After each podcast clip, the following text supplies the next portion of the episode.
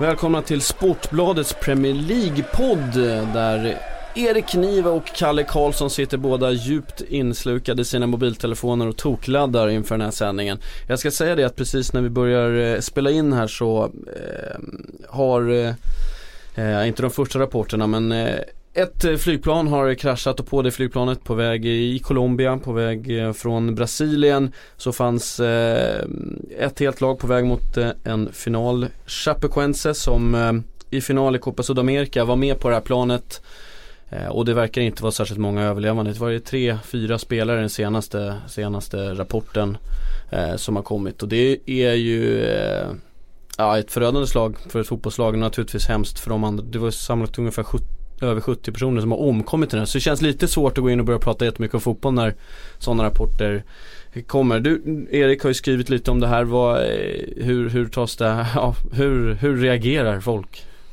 Uh, ja, med chock och bestörtning för det här är ju givetvis en enorm, enorm tragedi och det är alltid en tragedi när flygplan kraschar och människor förolyckas.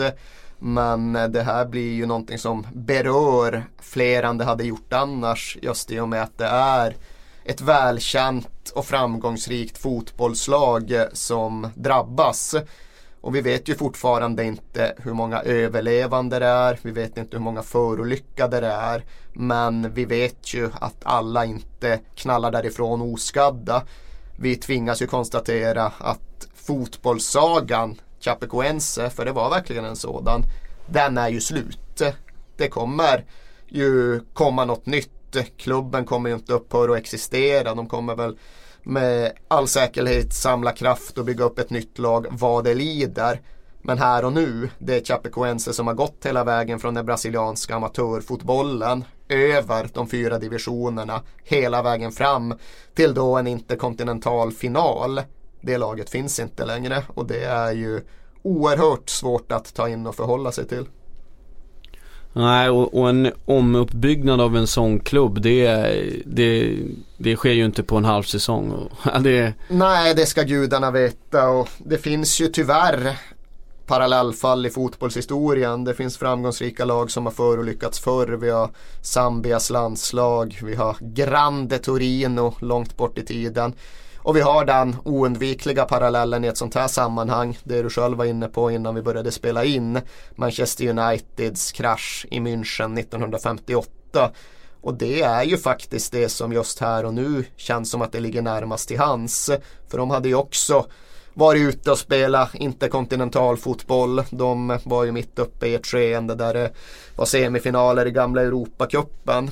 Och apropå det med återuppbyggnad så lyckades ju faktiskt de. Mm. De eh, skapade ju någonting ur askorna. De lyckades på något obegripligt sätt hämta kraft ur allt det här. Och de återgöt eh, liv i Busby Babes konceptet och vann den mest romantiska Europacupseger som någonsin har vunnits tio år efter tragedin.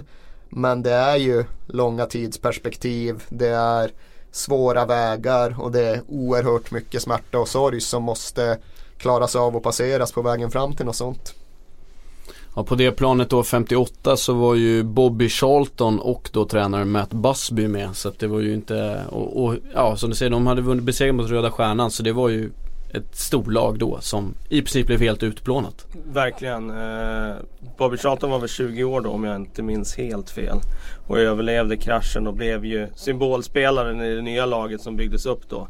Och jag minns inte riktigt hur fort de tog sig tillbaka till toppen där. Men jag vill minnas att de fick väl ganska mycket hjälp att bygga upp laget efter det.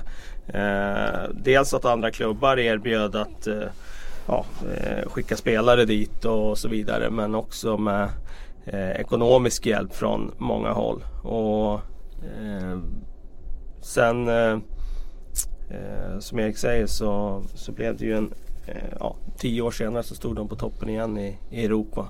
Så i det fallet 10 år. Jag tror att eh, det kanske är lite lättare på den tiden än vad det är idag att bygga upp om man såklart inte har en rik ägare som bara slantar in pengar. Nej och så, så och United var ju en storklubb också. De eh, har ju inte, inte på samma sätt byggts upp från ingenting. Och det har de någon gång såklart men eh, inte som det här brasilianska laget som eh, är en, fram, som du säger, en framgångssuccésaga på ett, på ett annat sätt. Sen går det väl någonstans att hitta någon typ av förtröstan i just Manchester Uniteds exempel. För München-tragedin är ju den definierande händelsen i hela deras klubbhistoria. Det är liksom den som allt vad Manchester United har blivit utgår ifrån. Och det är ju beundransvärt och hoppingivande just att de trots allt lyckades hitta någonting konstruktivt i den där bottenlösa tragedin. Eh, för det är ju liksom kärnan i hela deras klubbidentitet. Manchester United, ja de är så väldigt många saker för så väldigt många människor. De är allt vad den moderna fotbollen innebär. De är Glazer-familjen, de är José Mourinho, de är Zlatan Ibrahimovic numera. Men det är ju inte kärnan. Kärnan i Manchester United är, förblir, kommer förmodligen alltid vara The Busby Babes och The Flowers of Manchester. Det är liksom Münchenklockan utanför arenan. Det är liksom det som allt utgår ifrån. Det är det allt kretsar kring. Det är därför de fortfarande spelar fotboll och existerar. Och jag har ingen som helst aning om vad som händer med Chapecoense nu. Det är precis som du säger, de har inte samma eh, stadga att eh, utgå ifrån när de ska försöka bygga upp något nytt. Men det finns ju någon typ av framtid. Allt tar ju inte slut här och nu utan det går att på ett eller annat sätt komma vidare. Eh, ja det var eh, det som man antar, det- det jag tror kommer hända är på samma sätt som att United fick hjälp då. Det var många engelska lag som erbjöd sig att hjälpa till. Liverpool, Aston Villa, många som erbjöd eh, spelare. Eh, och även Real Madrid som man mötte innan var väldigt förtjusta i, i, i United då och erbjöd bland annat sin, sin bästa spelare eh, och en av världens bästa spelare just då. Eh, Di Stefano. Precis, Mm. Eh, och erbjöds att betala halva lönen. För det var inte bara det att alla spelare försvann, det var en ekonomiskt väldigt eh, stor smäll för, för United. Ja, Real Madrid stod ju på toppen i Europa då. Exakt. Eh, och stod på tronen och eh, eh, ägaren då eh, Franco var det väl va? Eller vem var det som var vem var det som? Nu är du ute på Ja, intressant ja, mark precis. Kalle. Det är, inte, det är inte Franco så utan hette han Franco eller? Nej det, det var inte, inte den Franco utan eh, Men han i alla fall. Han, eh, han ville ju stötta det här Manchester United-laget som han hade eh, blivit förtjust i när de möttes i semifinalen tror jag, Europacupen året innan. Precis så. Eh, och eh, erbjöd dels då Di Stefano på, på lån så men sen eh, hjälpte de ju till ekonomiskt väldigt mycket. Eh, så även hjälp från Real Madrid. De anordnade träningsmatcher och i vanliga fall tog de ganska rikligt betalt för dem men det behövde de inte göra den här gången. Och de samlade in pengar där på, i Spanien som gick till de anhöriga och allt möjligt gjorde de eh, för eh, att hjälpa till då. Eh, så det kom hjälp från lite olika håll. Jag vill också minnas att eh, när Manchester United skulle spela klart ligan då så erbjöd väl motståndarna att spela juniorlaget eh, mot dem. Och gjorde väl det också om jag inte minns helt fel va? Nu är det bara en omgång kvar i, i eh, brasilianska ligan. De ligger nio, på nionde plats där. Jag vet inte riktigt hur de kommer att avsluta det här. Eh, Nej, de kommer inte spela någon match. Det har jag svårt att tänka mig. Eh, eller ja, de kanske skrapar ihop ett representationslag. Eh, nu Och märker jag möter ett juniorlag kanske? Ja, nej, jag märker Nej. att jag pratar innan jag har tänkt klart. Det kanske blir match på ett eller annat sätt. Jag ju väldigt svårt dock att se att Copa Sudamericana kommer att delas ut den här säsongen. Eh, nu sitter jag återigen och går händelserna i förväg. Det är bara den här liksom spontana blixtreaktionen som slår mig. Jag vet ju också att det sydamerikanska fotbollsförbundet har ställt in all verksamhet, vad nu det än innebär. Men det var ju faktiskt så att Chapecoense var ju med och avgjorde den brasilianska ligan i söndags. De spelade borta mot Palmeiras och Palmeiras vann både matchen och ligan. Så titeln är ju redan fördelad. Mm. Chapecoense var där när den delades ut och den gången var det inte deras grönvita fotbollsfest. De har ju samma klubbfärger både Chapecoense och Palmeiras. Deras grönvita fotbollsfest skulle ju komma nu istället. Men nu blev det så här. Det var ju förstås Santiago Bernabéu som var president i eh, Real Madrid. Du skulle jobba lite mer på Franco Jag ska jobba in den nästa gång. Jag gillade det liksom så här eh, gardering att inte den Franco, men kanske någon annan Franco. Jag inte vad jag, ja, jag tänkte. Ja, det... Men ett, ett namn som, eh, som ringade, ringade bra i alla fall nu. Ja, det används ju onekligen namnet på arenan redan fortfarande.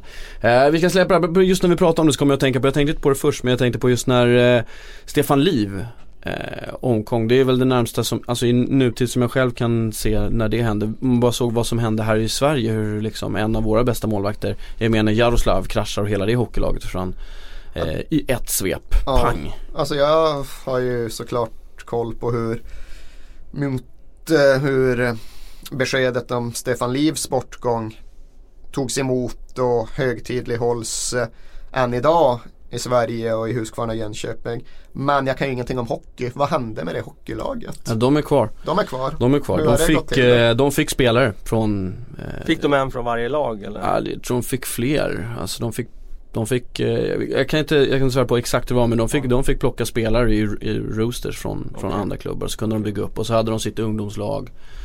Eh, nu är ju det en stängd liga också i KL så att de kunde ju inte åka ur på det sättet. Har de också så här draftsystem och grejer ja, så att de är vana vid att plocka och trada och hålla på? Ja, det är lite... Eh, de har ett litet NHL liknande fast i KL. Så de har ju någorlunda liknande men så de fick ju spelare av, av, av klubbar för att det skulle bli någonting. Och sen så de kom ju förvisso alldeles sist i det var inte så mycket, de, även om de fick spelare, de fick ju liksom inte första de, femman. Har men de lyckats återetablera ja, någonting? Ja, absolut, ja nu är de, nu är de med och ett av, ett av lagen som slåss där uppe i, i toppen. Eh, men jag där fanns det ju pengar å andra sidan då. Vi ska inte jämföra, då blev det lite fördelat och så in med några, så att ja. de hade ju det med sig. Jag har alltid tidigare sagt att jag håller på HC Sibir i rysk hockey. Här och nu ändrar jag mig till att hålla på Jaroslav istället. Det är min klubb.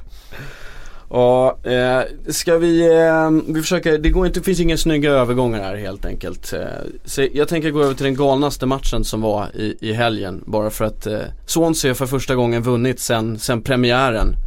Och då kan man inte göra det på ett vanligt sätt, då ska det vara en match som är helt, helt galen. 5-4 Ja det är väl så. Eh, Bob Bradleys första seger också dessutom ja, i Premier League. Eh, aldrig hänt förut. En amerikansk tränare har vunnit en match. Så det var ju ett stycke historia där. Jag följde inte matchen så att jag satt och såg den men jag följde ju målutvecklingen. Och den var ju... Ja, det, jag kan inte minnas någon värre målutveckling. Det funnits fem, fyra matcher tidigare. Mm. Men just den där typen av svängningar hit och dit. Och med ett sånt slut där det görs så många mål under sista 20 minuterna. Och där ett lag vänder under sista 20 minuterna. Eh, och sen att det vänder tillbaka. det Norwich-Liverpool i fjol var ju bra nära så ja, det var ju också men, helt men vanvettigt. Ändå... Men det finns någon ingrediens här till så. Men det var också liksom, jag tror Norwich ledde väl med 3-1. Ja, och sen gick Liverpool till 4-3. Och så Basong 4-4, Lalana, brillorna, allt det där. Fast Norwich reducerar väl i slutet på den matchen? Ja, de... Nej, de kvitterar gjorde de nog. Det var väl Just det, de slängde inte Norwich, tillbaka. 3-4, 4-4, 4-5. Så var det men, nog ja. ja. Det här var ett tack värre. Men det är ändå Det är nästan förvånansvärt att vi kommer så nära ja, i så färskt minne. För det, det var nästan där. Men eh, det här var ju också, det här var ju två dåliga lag ja, därtill. Alltså det, det, var ju ingen högkvalitativ fotbollsmatch. Det är inte så att eh, de var tvungna att såga sig fram till alla de här målen genom sitt fenomenala kombinationsspel. Utan jag vet inte riktigt vad det här resultatet säger. Jag lutar väl åt att det kanske säger mer om Alan Pardew och Crystal Palace än det säger om Bob Bradley och Swansea. Jag har i och för sig blivit imponerad av sättet som Bradley har jobbat sedan han kom till Swansea. Framförallt modet. Detta åh så uttjatade fotbollsord. Modet att göra oväntade, impopulära laguttagningar och ändå få någon form av effekt på det. Efter att de kapitulerade för tre omgångar sedan i en match som jag har glömt bort vilken den var. Vilka kan de ha mött då? Ja, de var skitdåliga just före landslagsuppehållet. Jättedåliga i någon match. Och sen eh, tog Bradley ut ett lag för att åka till Goodison Park och möta Everton. Där han hade typ bytt ut 8-9 spelare i startelvan. Och man tittade på det och tänkte det här är inte bra. Det här är inte vettigt. Men lik förbannat så leder de den matchen fram till 88 minuten och åker därifrån med poäng. Bra effekt, bra utdelning. Nu hade han i stort sett samma lag igen. Och även om de verkligen inte var prickfria mot Crystal Palace så hittade de ju fram till någonting. Det fanns i alla fall en stridsvilja och en kampvilja och en Fernando Llorente som kunde stånga in några bollar mot slutet. Så det fanns ju någonting där det tidigare hade varit totalt tomt och blankt. Och det är något som Bob Bradley har hittat. Eh, Något som jag inte var eh, ja, jag visste inte att det fanns där överhuvudtaget. Så de, det kan kanske ändå ramla bitar på plats på ett sätt som gör att Swansea kan klara sig den här säsongen. Men Palace, deras förutsättningar, deras spelare är ju klart mycket bättre. Och ändå presterar de så här. Ändå så kan de inte försvara en enda fast, ett enda inlägg. De har skotten och den visserligen i mina ögon överskattade James Tomkins. Men att eh, Crystal Palace som väldigt länge ändå hade en stark defensiv grund numera försvara på det här sättet. Eh, det är väl frågan om det inte är det som jag tycker är allra mest anmärkningsvärt med den här vanvettiga matchen.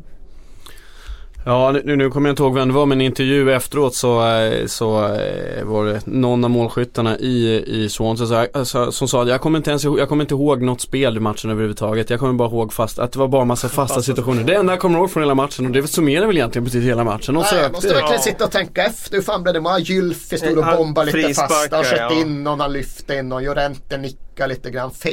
In en massa returer. Det känns som att Mm. han, liksom, man tänker där, de har ju gjort en 7-8 mål. Man, ah. Det var ju första målet där av Zaha, det var ju inte en fast situation. Nej, Då det är vände han bort backen, i och för sig som var väldigt passiv och Ja. tvivelaktig i sitt försvarsspel. Men han gjorde ju ändå bra Zaha. Ja, det det, var ett han snyggt faktiskt. mål. Eh, sen kan jag inte heller minnas några... Ja, det var väl ett också som eh, tar på Jack Cork och får den här jättekonstiga det. banan in. Det är inte Just en det. fast situation på det, Det var också sättet. ganska signifikativt för den matchen. Vilket jävla mål var inte det liksom? Fan, sa ni att Zaha ska byta till Elfenbenskusten förresten? Han Jaha, har ja, ju det är gjort. A-landskamper för England. Han spelade ju, Mm. jag tror faktiskt han spelade, han var i alla fall med i truppen. Men jag tror fan han fick ett inhopp i Zlatan-matchen på Friends. Det kan han ha fått. Eh, jag är rätt säker på det. Och det var ju då en uttagning som i någon mån gjordes för att han just, ja men vi Skulle- knyter ja, upp just killen liksom. Men sen blev det aldrig några minuter i en tävlingslandskamp. Och under de senare förbundskaptenen har det känts som att han har varit hyfsat långt bort från truppen. Eh, jag tycker inte han kvalitetsmässigt är så långt bort från Ja, truppen. Anders Townsend är med typ hela tiden. Mm. Wilfried Zaha är aldrig med. Och när Alan Pardew, vad man, hur man nu än värderar hans omdöme, har fått studera de här spelarna på träning och i match över tid. Så har ju han gjort bedömningen att Zaha är bättre. Han spelar hellre Zaha på högerkanten än Anders Townsend. Så frågan är väl om inte den engelska aristokratin eh, missar lite grann här. Det är såklart att deras framtid står inte och faller med, Lu- med Wilfried Zaha. Men eh, ja, jag tror nog att eh, de riskerar att eh, titta på Afrikanska mästerskapen om några månader, se Wilfried Zaha snurra in med några bollar och känna hur fan kunde vi gå miste om det där. Känns ju som att han har högre potential än många andra yttrar. Jag tänker som Townsend har ju definitivt högre potential. än- Skulle du säga att han är en- mer utvecklad fotbollshjärna Ja, än Townsend? ja, det skulle jag säga. Vem säger skulle- det mest om? Townsend ja, eller det Zaha? säger det nog mest om Townsend. Men eh, eh, det säger nog bara något om Townsend. Men, eh, men han har ju ändå, han har ju någonting Ja, Zaha. ja, När han är bra då är han eh, jäkligt svårstoppad och har en eh, högsta nivå som är eh, definitivt i linje med de som spelar i Englands landslag idag. Jag tycker också att hans slutprodukt har börjat bli lite bättre. Det blir lite fler poäng. ja. Och nu nu också tänker tillbaka på den här Swansea-matchen. Det finns några sekvenser som jag höll på att glömma bort fullständigt men som jag nu kan plocka fram ur något bakhuvud. Där snackar jag tyckte vi. Zaha, ja men där jag tycker Zaha gör bra grejer. Det är någon situation där det är något jävla kaos framför mål och sen plötsligt kommer det en lyra mot bortre stolpen. Och det är ingen lätt nick. Men Wilfried Zaha går ändå upp, knycker till, får bra snärt, bra styrsel, lyckas nicka bollen förbi ett par, tre desperat försvarande Swansea-spelare på ett sätt som gör att de inte kan nå den. Och nu tar den visserligen i ribban. Och det är nog fullt möjligt att någon skyfflar in en retur. Det har jag glömt bort. Men det var en bra kontrollerad nick Ja, en- ja, i ett eh, svårt läge. Men sen har vi därtill en situation när han kommer i det höger inneläget som han så ofta kommer i och gör någonting väldigt bra. Han slår ett inlägg med backspin sidskruv. Ett rätt svårt inlägg att slå men han får just precis den här sköna hängande bollbanan. Och återigen, om jag inte misstar mig, för man glömmer bort det. Men nej, det här är inte i Danmark. Det här är fan Liverpool-matchen för några veckor sedan. När han slår det inlägget jag tänker på som James MacArthur sen kan nicka in på ett väldigt enkelt sätt. Men det var också en typ av svårt högkvalitativt, eh, högkaratigt inlägg som Wilfried Zaha aldrig slog tidigare. Men som han gör, nu gör med rätt jämna mellanrum. Nu, jag kan knyta tillbaks, nu ser jag framför mig den här nicken i ribban. Ah, Det, ja jag ser den. Det är Vad hände sen? Ja men det är vid 2-1, den går eh, rakt ut. Det är öppet mål för både Benteke och, Connor Wickham. och båda Wickham, går på bollen och gör den här, nej, Ja, det är säkert du som tar den, båda skiter i att skjuta och bollen studsar Var det, iväg. ja, var det den? Ja, Ja, just, det. den var ju faktiskt komisk. Det blev, eh, Den var faktiskt komisk. den var inte så rolig. Conor Wickham skadad nu dessutom. Eh, Allvarlig knäskada sägs de, det var, låter från första rapporterna. Det innebär att han är borta ett bra tag. Det innebär att eh, det är ännu färre alternativ där framme. Men jag vill ändå vända tillbaka lite till Swansea där. För det var intressant det där du sa om Bob Bradley. För Eh, det kanske är så att eh, det finns någon never say die attityd där nu. Det är ja, ny tränare, ny röst, ny tro på någonting. Men tittar man på deras lag så alltså, det är ju ett lag som kan åka ur. De har Ja, ja, inte ja. ett bra lag längre. Eh, tittar man på deras startelva, jag, jag ser så himla få bärande spelare. Ta bort Gylfi därifrån. Ja, nej, det är ju verkligen någon man Ja, lyssnar han- på hela tiden. Det är liksom, det Fabianski är väl okej. där. Jag tycker visserligen fortfarande, han var, ja, nej, han var inte underskattad i Arsenal, han var dålig i Arsenal. Sen blev han okej i Swansea, men han uppfattades som att han var väldigt bra. Jag tycker han är ganska svaga 3 plus. Ja, ja men där någonstans är han väl. Men eh, den där backlinjen alltså. Det, det, är, inte, det är inte Premier League-klass längre. Det Ratear du Neil Taylor? Jag har aldrig riktigt bestämt mig för vad jag tycker om honom. jag tyckte han var bra innan sin skada där. Sen fick han ju en ganska allvarlig skada och efter det så har jag inte sett han som lika bra. Men han passar ju ganska bra på den tiden som Swansea spelade sin tiki-taka fotboll och höll bollen efter backen. Och små tekniska spelare. Då tycker jag både han och Rangel eh, klarar sig rätt bra. Men jag tycker inte att det finns det spelet idag som gör att de klarar sig varken offensivt eller defensivt längre. Nej, för det är ju invändningen mot Bradley eh, och det är kanske orättvist eftersom att han har haft bara några veckor och han kom till ett eh, lag i spillror. Jag har ingen aning om liksom vad hans faktiska spelidé är, vad som kommer bli identiteten i deras eh, spelmodell framöver. Men okej, det får väl ta sin tid. Han var väl tvungen att börja med att bara försöka få ihop ett lag som faktiskt försökte vinna matcher. Eh, Men jag tycker också just saknaden av Ashley Williams är ju oproportionerligt stor. De eh, gjorde verkligen, ja det är ju ont eh, för dem att inte ha honom där. Och mittbackarna litar överhuvudtaget inte på. Kyle Norton har jag aldrig litat på. Jag var försiktigt förtjust när Spurs lyckades kränga iväg honom till Swansea för jag tyckte inte att det var eh, en spelare som höll Premier League-klass. Jag tyckte ändå vi fick Premier League betalt för honom och tyckte att eh, vi på så sätt fick ihop Vad det fick från ni vår... för honom? Ja, kan vi ha fått 6 miljoner pund Ja, och det sånt är, liksom. bra. det är bra ändå. Ja, för Kyle Norton Ja, är det det- fan i mig Det är bra. bra. Det är bra. Nej men sen en sån som Key också. Han var ju en gedigen, eh, riktigt bra Premier League mittfältare för ett par år sedan. Jag tycker inte att han är på den nivån längre. Han är liksom in och ut ur laget nu. Och, eh, Kallades Kallas inte han för Sydkoreas Steven Gerrard? Jag, jag ser inte mycket av det idag liksom. Utan, eh, känns- Vilka ser du som utmanare till den titeln Anders? Eh, Sydkoreas eh, Steven Gerrard. Ja, jag vet inte om jag ser någon, eh, ser någon sån överhuvudtaget idag. Jag har inte så bra koll på sydkoreanerna dock som snurrar runt nu för tiden. Ett tag kändes det som En att de liten jäkligt, brasklapp ligger här ändå, att du inte kan jäkligt bra eh, snurr på dem. Men eh, jag kommer inte på några nu som är mittfältare och som är stöpta i Steven Gerrard formatet. Det känns inte som att Sydkorea får fram så många sådana mittfältare. Så det var nog tacksamt att sätta det epitetet på Ki. För att det var den första som, som de var stöpt i. Lite sådär, kan slå crossbollar och lite fysiskt lite större och kan stå och dominera ett mittfält. Känner du att du vill fördjupa dig i den här? I den, i den här frågan? Jag kan göra det i en annan podd. Jag tänker att vi bara är tysta och så Ja, jag får Kalle bara pumpa på nu Med sydkoreansk fotboll. sydkoreansk mittfältsutveckling. Vad, vad är felet egentligen i de koreanska akademierna? Jag vill dock poängtera att jag såg att en sydamerikansk, en sydamerikansk, en sydkoreansk klubb återigen vann Asiatiska Champions League. Ja, okej. Man trodde ju till mans, framförallt jag och Mattias Lönngren, att um, Emiratklubben Al Ain hette de väl, skulle vinna. De har ju ja, Asiens bästa och mest sevärda spelare. Ingen Steven Gerrard-figur men är det Omar Abdulrahman han heter? Han kan heta något helt annat också men han kan förhoppningsvis heta någonting som Franco är ungefär kanske? dit. Han kan heta Franco. Ja, men det är en dude. Inte den Franco. Nej, En annan Det är fråga. en dude som spelar som tia i det som kan heta Al Ain från Förenade Arabemiraten. Han kan typ heta Omar Abdulrahman. Eh, jag ser honom i alla fall framför mig. Jag har sett honom spela i väldigt många YouTube-klipp för han är spektakulär som tusan. Så har David Luiz frisyr. Man eh, behöver inte se mer än de här YouTube-klippen för att inse att hans bollbegåvning är på en helt vanvettig nivå. Och han har varit så överlägsen att han har kunnat gå in i rätt många av de här matcherna och bara showa. Så eh, han spelar ju liksom någon form av cirkusfotboll när många lagkamrater kämpar för sina liv. Så det är en jäkla spektakulär sevärd spelare som det på ett sätt hade varit kul att se i ett annat sammanhang.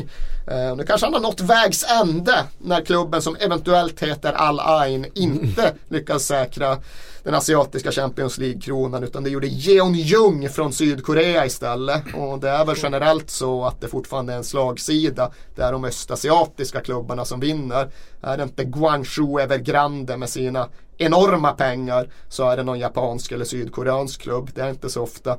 Det kommer en klubb från Mellanöstern eller um, arabiska halvön och vinner faktiskt. Ja, Ja. jäklar. Ska vi utveckla det mer eller tar vi det i... Ja, Ja, alltså- jag tycker det var snygg utveckling vi här får då. nog ihop till en podd snart om sydkoreansk fotboll tror jag. Ja, om- ja i och för sig. Jag måste bara kolla om den här duden Ja, det är någonting. helt- Jo men han heter Omar Abdulrahman. Fan vad fint. Hur gammal är han då? Är han körd för... Nej, eh, nej, han är bara 25. Han är bara 25. Eh, fyllde 25 rätt nyss. Och laget heter, ah, fan också, jag fick ju in den här. De heter Alain. eh, nicknamed Amori. Vad betyder det? Ja men det är eh, det är, jag vet, han borde ju ha något smeknamn. Han borde ju vara borde ja. Gulfens någonting. Inte Steven Gerrard. Det låter som en Messi som är Ja, på gång alltså, här eller? Gulfens Said Ovairan, kan det vara det? Ja, kanske. Just att det är ju... Han tillåts ju vara en showman som inte ens... Messi, Messi är ju effektiv liksom. Ja. Messi springer med bollen och så slår han den i mål. Men den här killen står ju och gör cirkuskonster. Och det kommer han väl inte undan med i en mer konkurrensutsatt liga. Men eh, det vore kul att se honom försöka.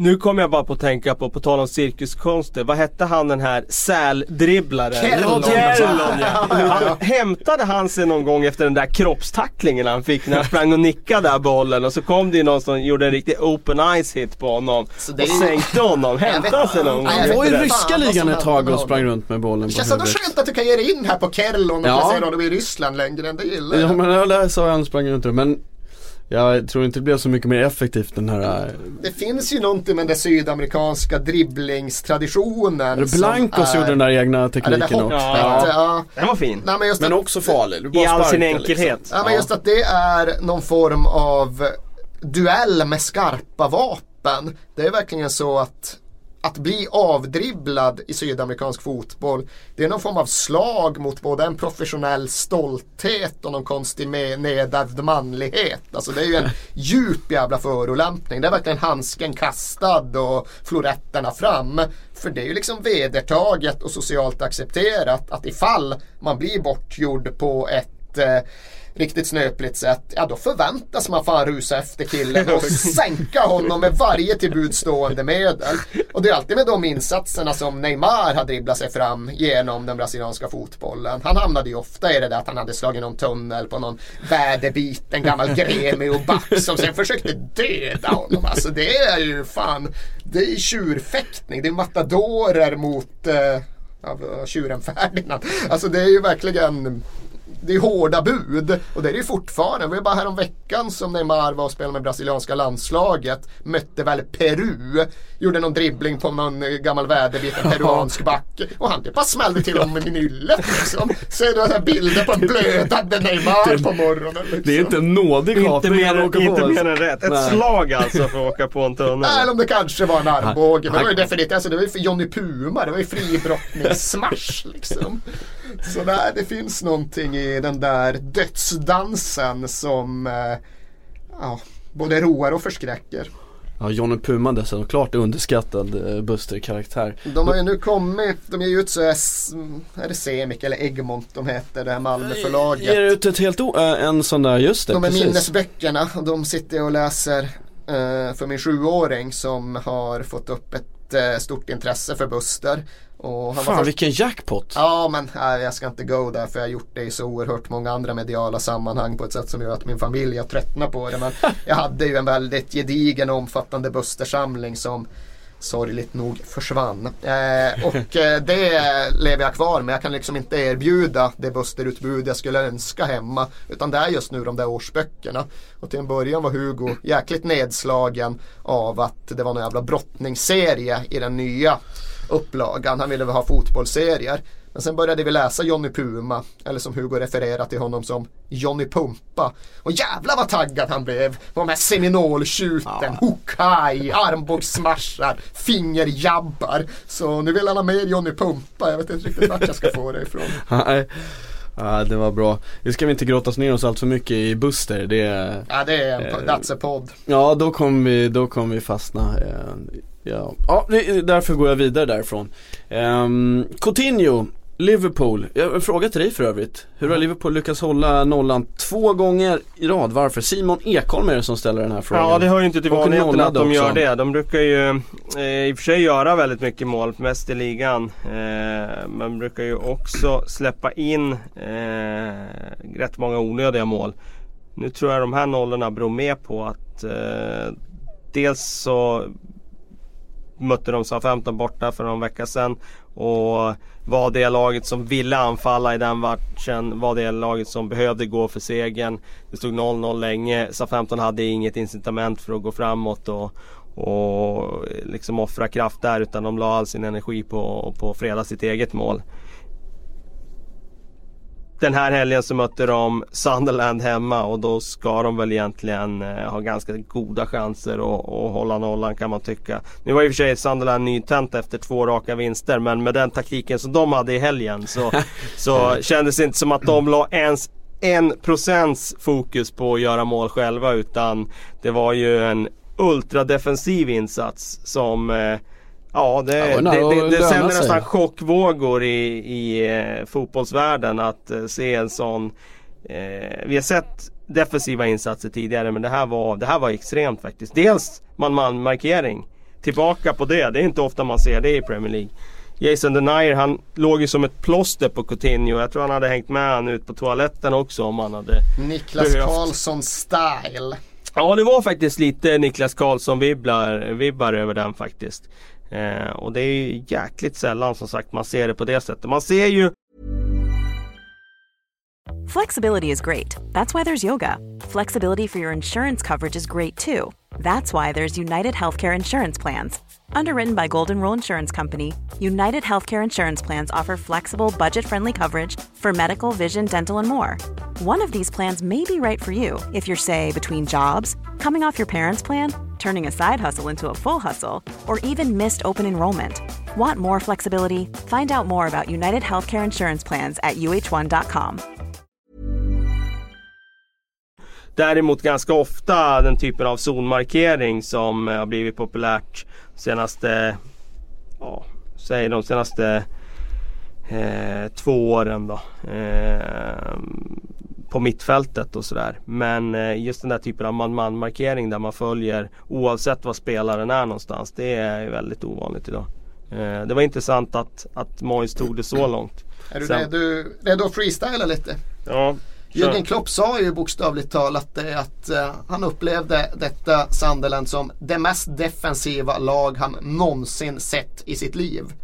Vilket är det mest defensiva lag du någonsin sett i ditt liv? Jag tycker nog Inter på Camp Nou. Ah, Eh, good call. Eh, var det. Men eh, det är klart alltså. Skönt att du svarar snabbt och facit eh, Erik, eh, tycker jag det passar bra. Ja, men alltså, sen, sen ska man ju veta, inte får ju en utvisning i den matchen men de var inte speciellt offensiva innan dess heller. Det ska Lite gudarna veta. enklare nu som José Mourinho smög upp bakom Pep Guardiola och Zlatan och Ja. viskade fram. Precis. det det, är ju, det, är, det är en magisk bild det. Ja, det var på den tiden han smyger upp. fortfarande hamnade rätt Ja. i sina upptåg. Faktiskt. Ehm, men nej, jag, jag, jag, kommer inte på någon sådär. Eh, men samtidigt om man tänker lag som har mött Barcelona. Ja. Eh, de har ju varit sådär extremt defensiva. Så att jag tror nog vi har ganska många exempel på det i La Liga om man verkligen skulle lyfta på locket där och titta lite i historieböckerna eh, där.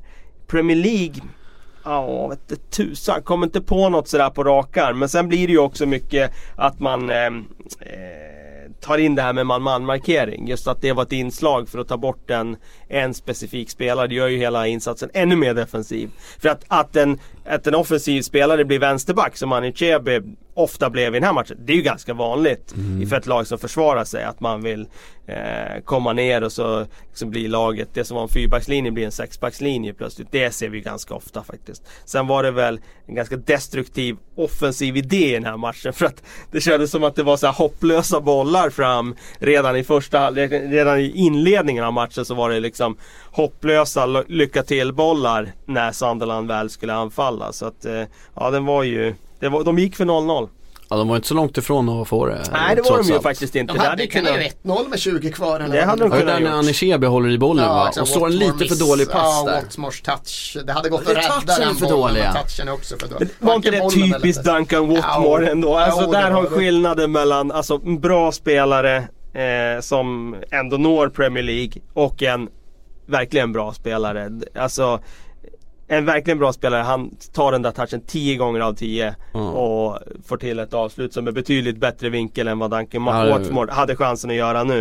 Eh, en Duncan Watmore-spelare, han kommer göra det där alldeles för ofta och jag tror inte han kommer bättra sig på den punkten. Men såg du Watmore mot franska U21-landslaget? Nej. Det var ju en match för några veckor sedan då engelska U21-landslaget förlorade för första gången på jättelänge, typ 30 matcher.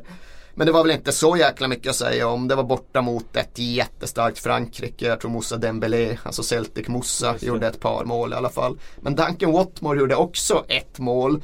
Och det var ju Eric Cantona i, på tredubbla hastigheten. Han får bollen, gör någon snabb liten manöver, gör någon sån här Duncan Watmore dribbling, det vill säga peta och sticka. Ja, peta på ena sidan, Ja, spring okej. jävligt Ja. snabbt. Så han eh, skaffar sig ändå några meter, liten yta på offensiv planhalva. Men han är ju i det läget ändå 30 meter från mål. Har försvarare nära sig. Det är svårt att hålla farten hela vägen fram till ett rent friläge. Utan han riskerar att bli infångad. Så det Duncan Watmo gör då är just att slå den här liksom lobben. Det är inte en ren lobb. Det är mer ett liksom chipskott. Ett, eh, en floater med backspin som bara seglar perfekt i en båge över en målvakt på halvdistans in i bortre gaven. Liksom, det är ett vidunderligt fint Ja, jävla okej, mål. ja, fint. Men jag köper ju någonstans att det förmodligen är mer tillfällighet än regel. Det är Alltså. nog mer den där dåliga första touchen som kommer definiera honom. Och min följdfråga är om han firar lika kungligt som Erik Cantona. Alltså bara fäller upp kragen och bara står och tittar. Det hade varit coolt om Duncan Watmore hade bjudit på det Alltså man firandet. Såg gillar, vad jag ju, gjorde, man gillar just hans hans look Man gillar hans väldigt eh, nordöstiga utseende. Och spelstil. Och det ligger ju någonstans så långt ifrån en Eric Cantona-aura man överhuvudtaget kan hitta i Premier League. Eh, så jag vill ju tro att gjorde han inte det den gången så får han lov att göra det framöver. Jag vill se Duncan Watmore strötta runt på det sättet. Ja. ja, det är inte många som kan, eh, kan göra det med den utstrålningen Med och liksom den stå fog, nej. Nej, fog det- för det också. Det är Såg ni svårt det att, bära upp, lätt att bara... svårt att bära upp den, eh, den eh, målgesten på det sättet som Cantona gjorde faktiskt. Ja det, ja, det ska vi inte gå in allt för mycket på honom. Eh, men det, det var tillbaks till Jo men vi har fått mycket frågor om Coutinho. Coutinho och skadan eh, som trots allt Trots allt, det var ju många som fasade över att de inte gjorde mål och antagligen väldigt oroade över hur illa det såg ut när Coutinho fick lämna planen. Eh, och det var ju ganska illa, kunde varit värre. Kunde varit värre. Nu snackas det om 5-6 veckor eller 6 veckor och det får man ändå säga var väldigt positivt besked utifrån hur det såg ut när han bars ut på båren där. Eh, så bra besked för Liverpool får man säga. Väldigt tungt såklart att tappa han i den här hektiska julperioden där det är mycket matcher och där han kommer missa den, Eh, ja, många avgörande matcher här nu eh, kommande Eh, en och en halv månad. Men eh, som sagt, jag tror att Liverpool kan klara sig hyfsat genom den här perioden. Nu sades det ju dock att Firmino också var osäker ut i spel till nästa match. Och det blir såklart avbräck om man har Eh, Coutinho borta, Firmino borta. Sen vet jag inte hur det är med Lallana om han är tillbaka till nästa match eller hur det är med han. Men han Han lär väl faktiskt- inte vara tillbaka till ikväll i alla fall om vi ska prata Nej, ligacupen mot Leeds. men det är lite parentes kring ligacupen kan jag väl i och för sig känna. En parentes. Stor, stor, gigantisk parentes kring ligacupen. För Men det som varit intressant med, kanske inte för Leeds. men eh, varit intressant med Lallana för han har ju faktiskt varit väldigt saknad i Liverpool de senaste matcherna. Han har ju fått en riktigt viktig roll där. Eh, och det Nej. säger väldigt mycket om hans utveckling. Att han eh, eh, saknas så pass mycket när han är borta. Det är inte bara i Liverpool heller. Han har ju samma status i landslaget. Och det är också sådär att ja. Dra det 18 månader tillbaks i tiden, peka på Adam Lallana och säga att både ett titeljagande Liverpool och ett engelskt landslag i en av alla förändringsfaser kommer vara beroende av Adam Lallana. Kommer ha honom som kanske främsta offensiv nyckelspelare. Eh, Det är väl inte giltigt i Coutinhos Liverpool men inte så långt därifrån. Ja, nej, det såg man inte komma i det skedet. Nej. Eh, jag tänkte, jag ska backa bandet nu några avsnitt. Senast när ni var här eh, tillsammans så var vi ett helt annat poddrum än det här förvisso. förvisso. Men Donosti Cup, kommer du ihåg det Kalle? Ja, ja, ja. Klart Ja, du lämnade ju den pucken, bollen ute där. Ja. Eh, jag har gjort mitt bästa faktiskt för att Ja. tracka ner eh, Vad Cup. trevligt. Ja, precis. Eh, och svaret är som följer. Jag har inte fått tag på startelvan. Den har varken, varken Donosti Cup kunnat skicka med eller Antiguoco KE som ni mötte i semifinalen. Eh, däremot så eh, har jag skickat eh, vilket ehm, Alltså att det var 98, B19 och allting. Det Ja. svar jag fått är att det med största sannolikhet är Xabi Alonso som du har mött i den, i, i den matchen som du pratade om. Så Ja, du det har så. stått med honom, ja precis. Han är, ehm, det är det så närmsta en konfirmation jag har lyckats komma. Ja du ser, jag, jag har ju släppt den här bollen helt och hållet. Jag inte, som du sa där Erik, jag fick ju lite sådär när du sa så här: du är ju journalist, du borde kunna researcha. Men i alla de här åren så har jag bara tänkt så här, ah, vad fan. Eh, är det Kolla det? aldrig en bra story. Nej, nej, lite så, så är det det så är det det liksom. Jag, eh, men jag, jag minns ju att de var bra, att vi förlorade med 2-0. Jag har för mig att de kontrade in 2-0 i slutet av matchen. Att det blev världens bråk i slutet av den matchen också. Så Ett du kanske här- satt och puttat på Xabi Alonso? Är det det? Nu Nej. kollar den här storyn som är, nu är den omöjlig att kolla om det är sant. Nej, det, det tror jag. Jag tror jag höll mig ifrån det bråket Ja, faktiskt. ja, ja. Men däremot så vet jag att det blev världens bråk i slutet av den matchen. Att de var bra och att vi också i och för sig hade ett väldigt bra lag med oss till den turneringen och så. Men eh, Har ja. någon spelare jag hört talas om? Nej, inte så. Nej, inte så. Eh, du menar i vårt lag? Exakt. nej, nej, nej, inte så. Men vi hade ett eh, hyfsat bra juniorlag med oss och hade ju Vi spelade i 19-årsklassen va? Mm. Eh, och då hade vi med oss eh, de som fick vara ni- eh, 19. Som egentligen i Sverige hade gått ur junioråldern men vi tog med dem till den turneringen. Så att, eh, ja, Men det är Alonso, samtidigt kul. med största sannolikhet, det räcker ju inte heller. Nej, man vill ju ha. Ja. Man måste fråga Alonso själv om han minns. Minns du någon stick upp? Alltså det värsta är att det skulle faktiskt inte förvåna mig alls om han gjorde det. Det är en av de gånger jag faktiskt har blivit så verkligen lite förstummad av eh, eh, någonting som en fotbollsspelare har sagt. För det var någon vända för bra många år sedan. Jag tänker efter och konstatera att det var någon vända inför VM 2006. Eh, som Adidas hade massa olika events med sina profilspelare. Eh, och det var ju redan då det var Messi och det var David Beckham och det var Zidane och eh, Del Piero och det var en jäkla massa olika varianter. Men på något av alla de här eventen ute på det spanska förbundets träningsanläggning La Rojas, eller det ligger i den förstaden i alla fall, så hade de samlat ihop en klunga och mellan intervjuer med viktigare personer så stod Xabi Alonso och hängde i ett hörn och jag passade på att suga tag i honom. Har du 10 minuter Xabi? Ja, ja, det är inga problem. Så stod och snackade lite om liksom VM och eh, Vilket år var det här sa du? det var inför VM 2006. Jag kommer inte ihåg Jaha, när det så, var. ja, ja. Han hade flyttat till Liverpool i Just alla fall det. minns jag. Ja men 10 minuter med Xabi Alonso. Det var liksom ingen så här uppstrukturerad intervju. Kommer inte riktigt ihåg vad det gav. Men givetvis ändå trevligt. Han var ju skitsnäll och klipsk och välformulerad och sådär. Men inte mer med det. Eh, sen gick det x antal månader och sen eh, lyckades jag faktiskt få loss en riktig intervju med Xabi Alonso uppe i Liverpool. Och det här var väl säg ett år därefter eller något i den stilen. Kommer dit, eh, eh, där är Xabi Alonso, tjena tjena, Erik eh, kommer från den här tidningen i Sverige. Han bara, ja ja men det kommer jag ihåg, vi träffades ju där på spanska förbundet. Jag bara, fan, det, det, det är ingen möjlighet att du minns det här liksom. Vi hade ett ganska innehållslöst, snabbt, flyktigt samtal av den typen som du har haft 300 stycken bara den senaste månaden. Liksom. Och det hör verkligen inte till vanligheterna att internationella fotbollsspelare bryr sig om att lägga folk på minnet.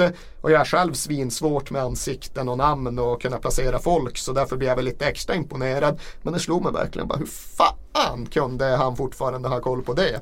Och hade han det så har han nog koll på den där De måste upp och bråket därefter också. Ja, just Jag det. tvivlar inte ens. Ja, nu, nu när du gav mig ett fläskben så att säga, då får jag väl gå till botten med det här på något sätt då.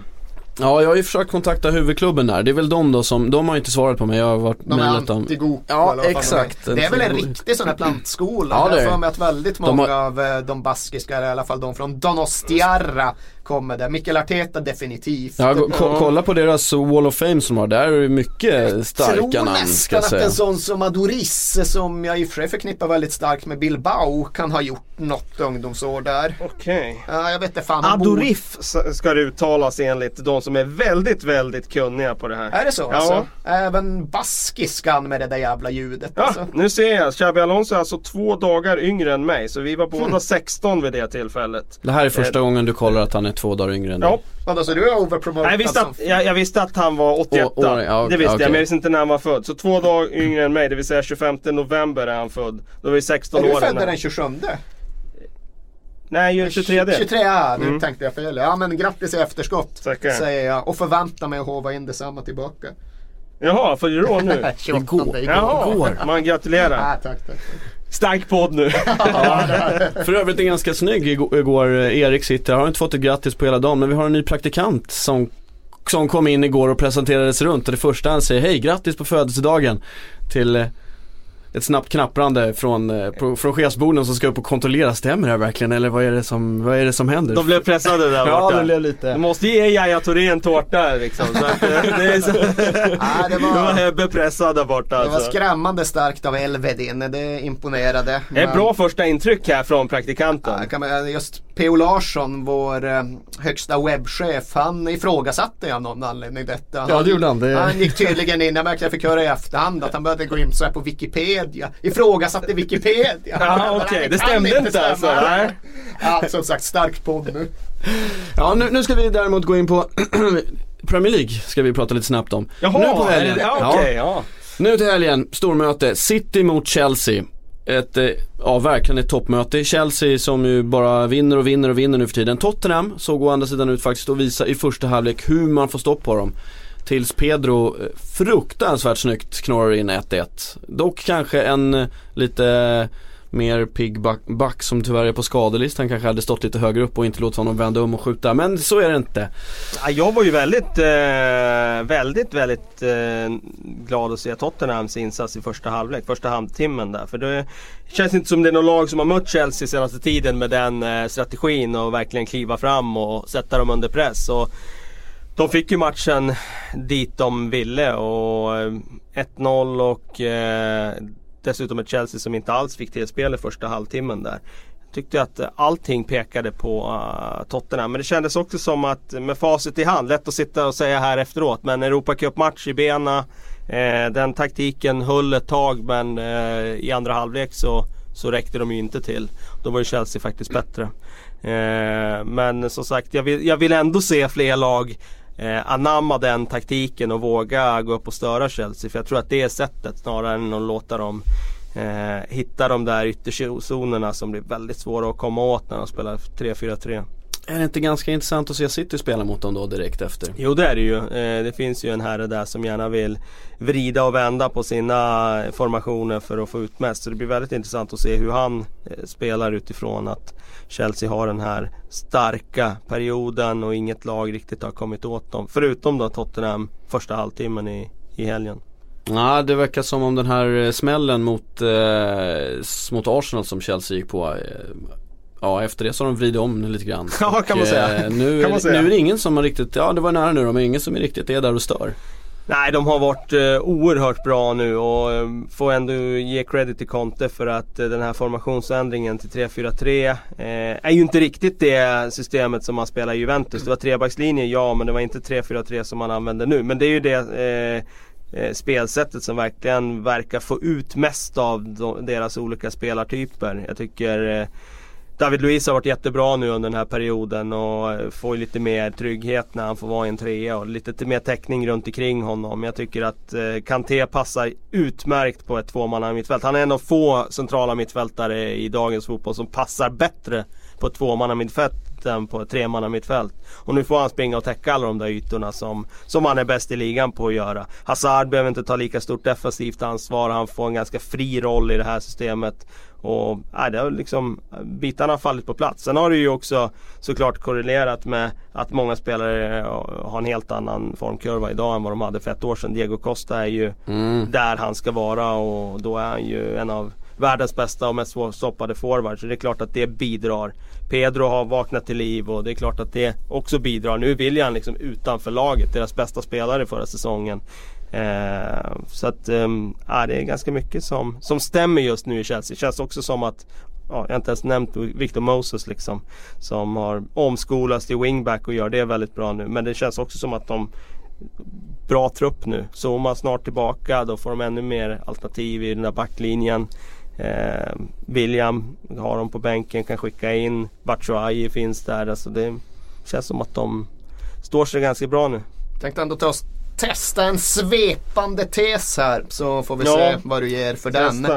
Eh, men jag kan ändå inte låta bli att titta på Premier League-toppen av idag och imponeras av tre lag som just nu framstår som bättre än alla andra. Jag tycker faktiskt att det är en liten bit mellan Tottenham och till och med Arsenal upp till Chelsea, Man City och Liverpool. Men jag tycker med det sagt att det är slående tydligt att alla de här tre topplagen någonstans är uppenbart sämre och blekare kopior av lag vi redan har sett.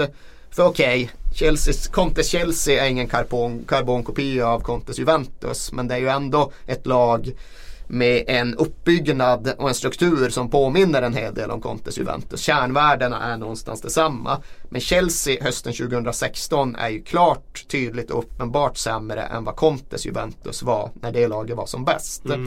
Detsamma tycker jag är giltigt för Klopps Liverpool.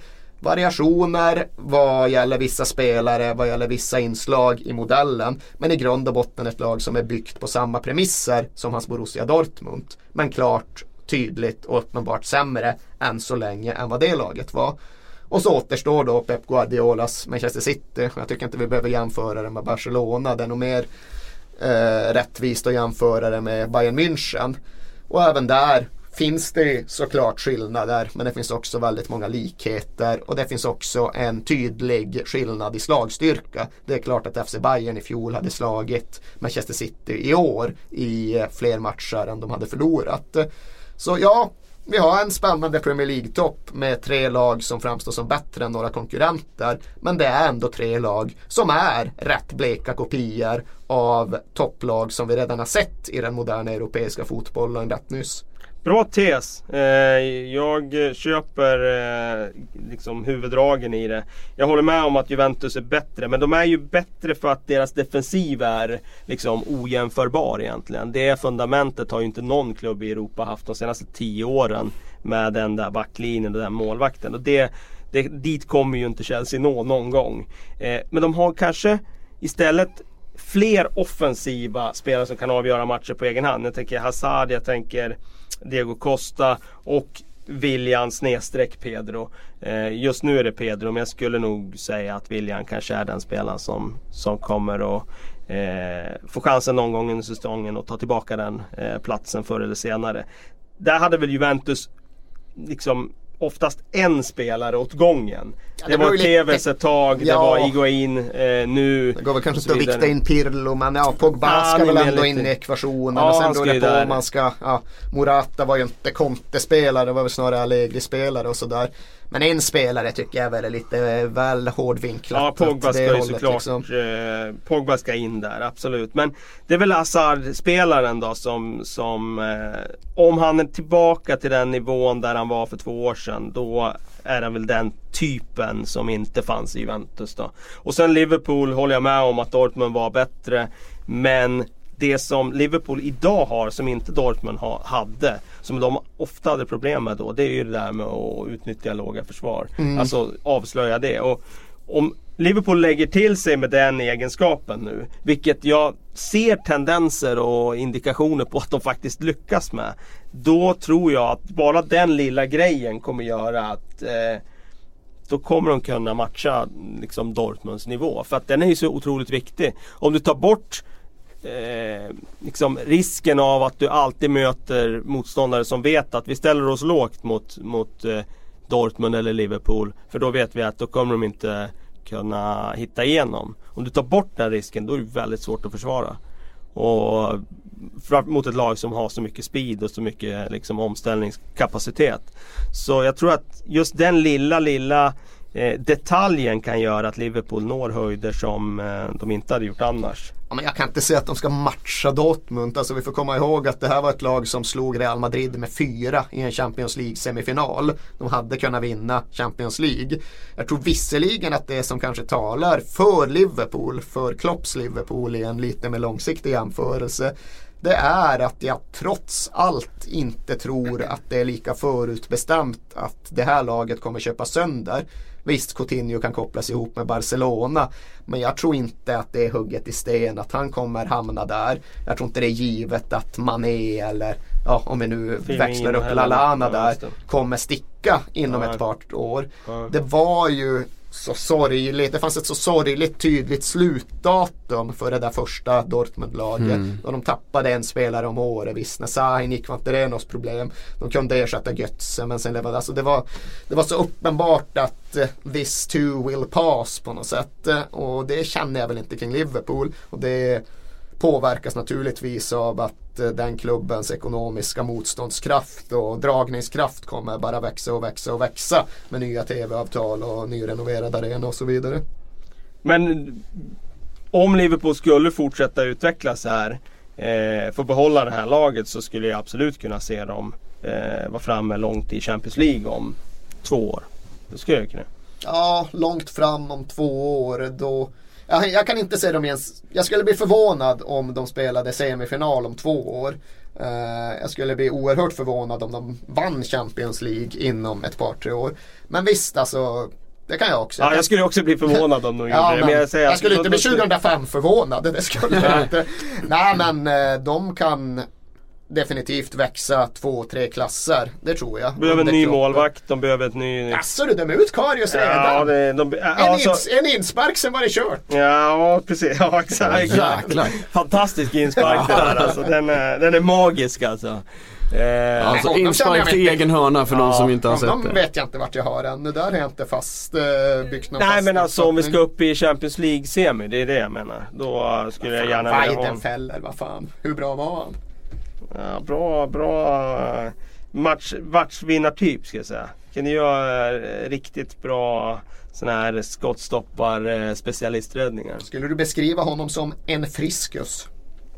Ja, kanske. det skulle jag. Mm.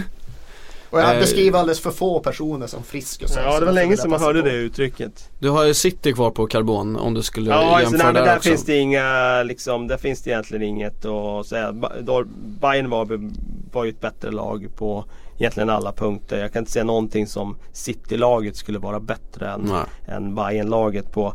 För Då får man tänka att Ribéry och Robben för ett par år sedan var två år yngre och de var, Ganska var, snabbare. de, var de ganska bra spetsspelare där också. Ja. Men man får ju konstatera att Manchester City kommer nog se till att växla ut några spelare mot några bättre varianter under de Det kommer de nog nästkommande göra. åren. Det kommer de nog göra. Jag sitter ur sin svacka nu förresten. En svacka som ändå gör att de fortfarande är uppe i toppen. Ja, de vinner ju matcherna nu och sen om de är i svackan eller inte. Det är klart, de spelar inte den där bländande fotbollen som de gjorde och bara sveper undan lag i början av serien. Men de, alltså, de, de vinner och det, då får man säga att det, det räcker ju ganska bra. Eh, lite, lite besviken på att de inte har spelat den där eh, där eh, briljanta fotbollen som gjorde i inledningen av ligan. Men eh, vi får se om de kommer tillbaka till den här senare.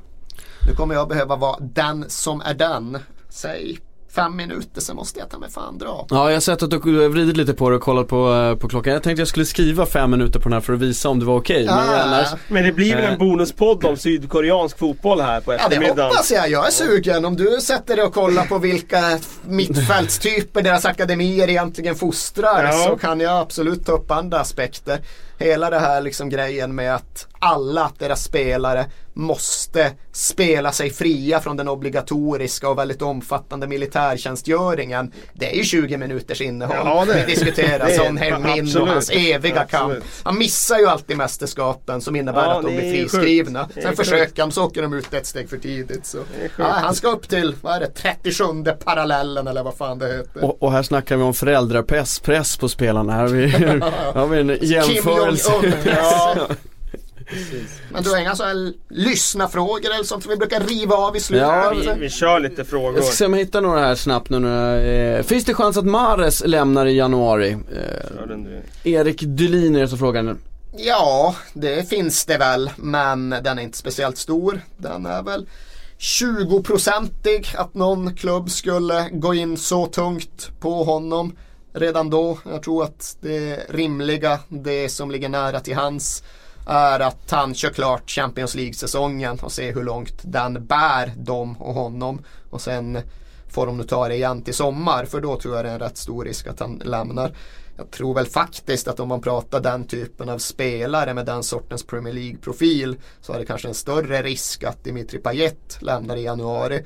Det som är invändningen där är ju hans ålder. För ska han lämna så måste ju någon klubb upp mot 400-500 miljoner kronors klassen. Och det vet inte fan om någon går in med på en spelare som ändå är där vid 30-strecket.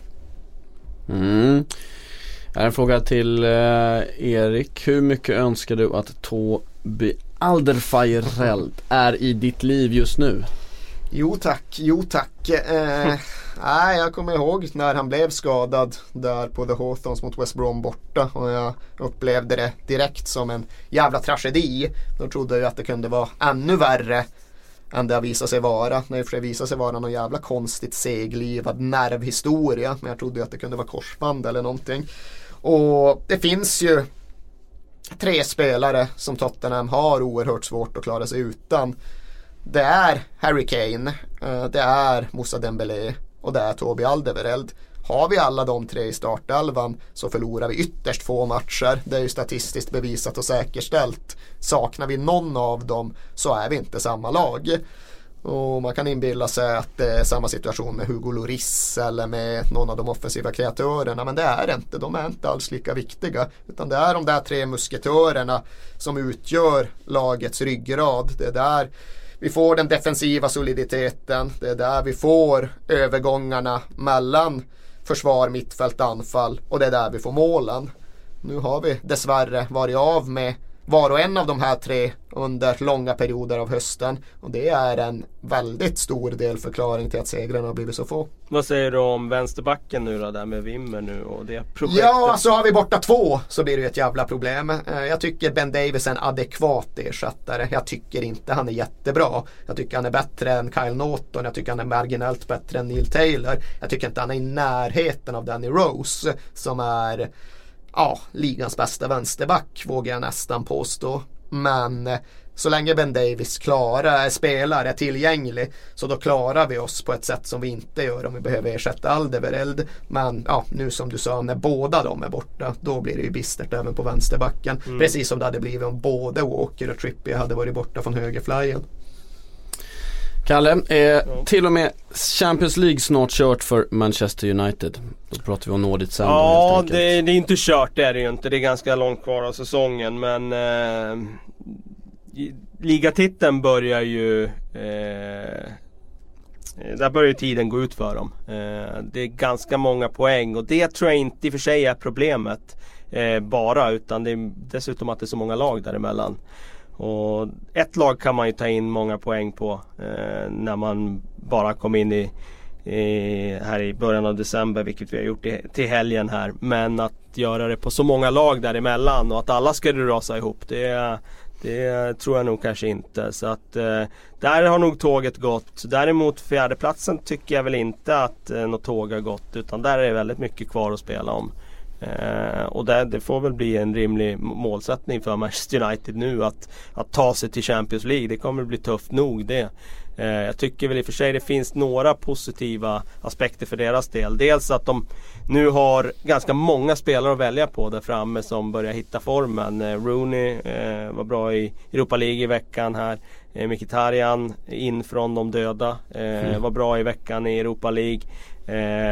Nu återstår det egentligen bara för United det viktigaste att få igång Martial igen. För att han är den där yttertypen som de behöver. Som kan gå förbi sin gubbe och, och skapa chanser på det sättet. Och det skulle de kunna kombinera de andra kvaliteterna de har där framme med Martial av förra säsongens eh, eh, kvalitet. Då tror jag att de skulle börja plocka segrar igen. Hade de kunnat spela offensiv, åtta offensiva spelare då hade det kunnat bli okej. Okay. Ja, då hade det blivit bra. ja, någon jävel måste bort också. Jag till exempel. Ja, jag ska ta sista frågan här. till Kalle, ja. jag drar. Ja, den är, yes, den är riktad till mig. Eh, när kommer psyk tillbaka under den föga smickrande hashtaggen Lönngren out? Eh, han kommer efter nyår eh, någonstans. Okay. Det är de senaste rapporterna Gustav Niläng. Så håll i hatten. Kan vi få Lundgren out och trenda tror du eller? Eh, jag, vet, jag, ska kolla hur många det är som har, har tryckt på, lagt upp någonting på taggen nu. Eh, Nej det var ingen alltså. Det var bara en som, ja. det är bara en som har lagt den. Men vi får se, vi kanske kan få något trenda till nästa vecka. Fasen vet. Eh, tack för den Gustav. Gustav, stort tack speciellt just dig om du orkat ta dig hela vägen hit och höra mig tacka för programmet. Hej.